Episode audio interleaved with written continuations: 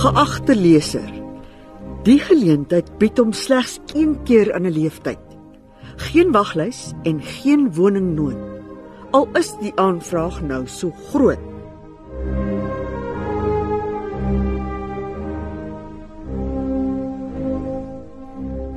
Elizabeth Eybers se gedig oor die Wespark begrafplaas in Johannesburg is net so van toepassing op die ou Kerkstraat begrafplaas in Pretoria. Maar hier rus 'n interessante groep mense saam.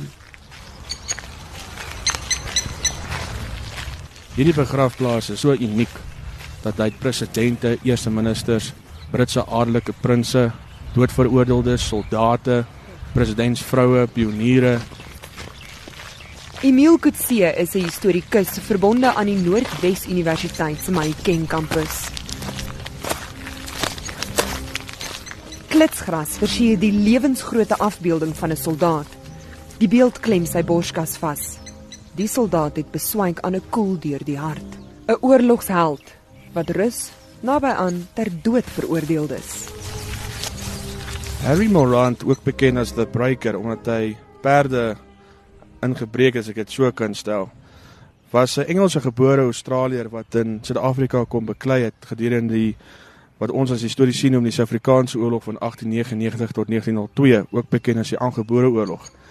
Morant en sy vriend Hancock was deel gewees van die Bushveld Kapeneers wat in die verre Noord-Transvaal wat ons vandag noem die Limpopo provinsie die boere gorillas moes tyd Kutse sê Morant het aangevoer sy opdrag was om geen gevangenes te neem nie, maar om elke vyand wat hy teekom dood te skiet, selfs 'n Duitse sendeling.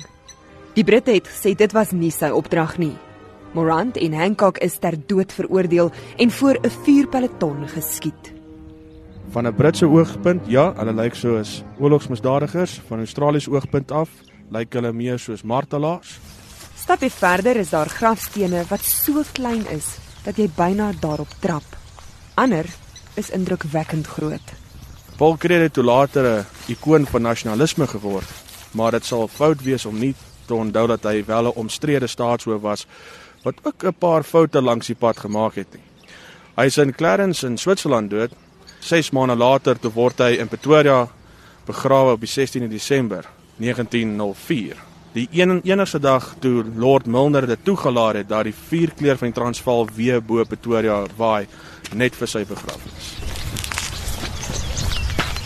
'n Klipgooi van Paul Kreur se graf af kom ons op die laaste rusplek van iemand wat baie kritiek gelewer het teen Kreur se bewind af.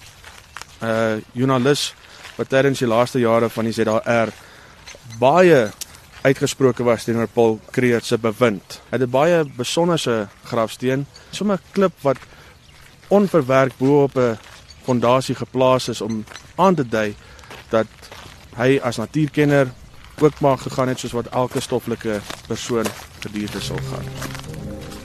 Eugene N. Maree, digter, skrywer, natuurkenner, gebore 1871, oorlede 1936. Hier sal ek vrede weer besef.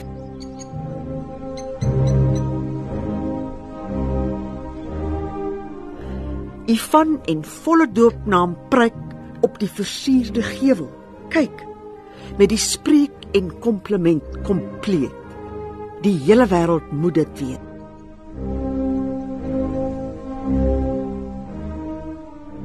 Die vrye messelaars se kenteken pryk op van die grafte. Ander het beelde van engele en ander hande bidend na bo. Een grafsteen vertel oor 'n man wat in die koninklike Windsor kasteel gebore is. Pretoria het sy eie prins en dit is prins Christian Victor, die kleinseun van koningin Victoria. En dis die neef van keiser Wilhelm II van van Duitsland.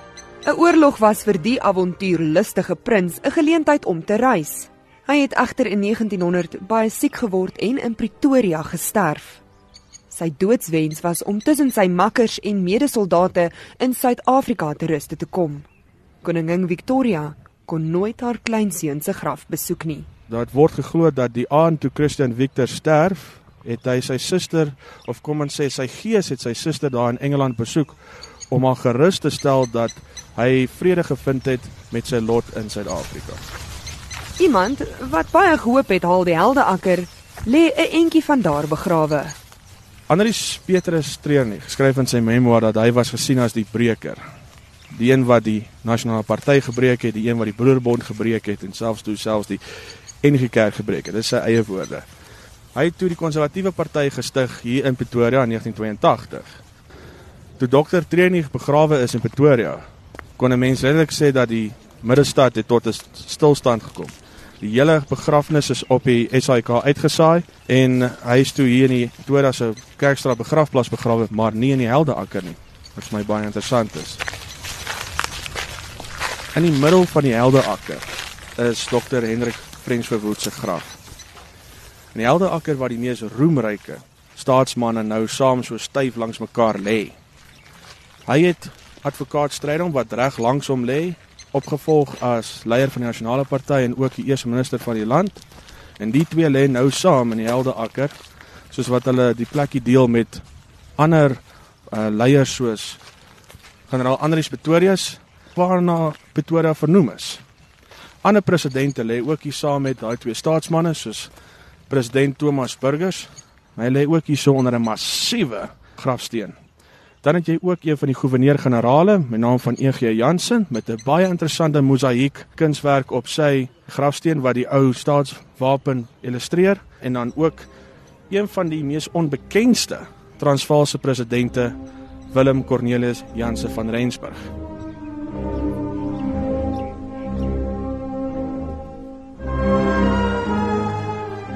Rye en rye grafte staan onder koeltebome.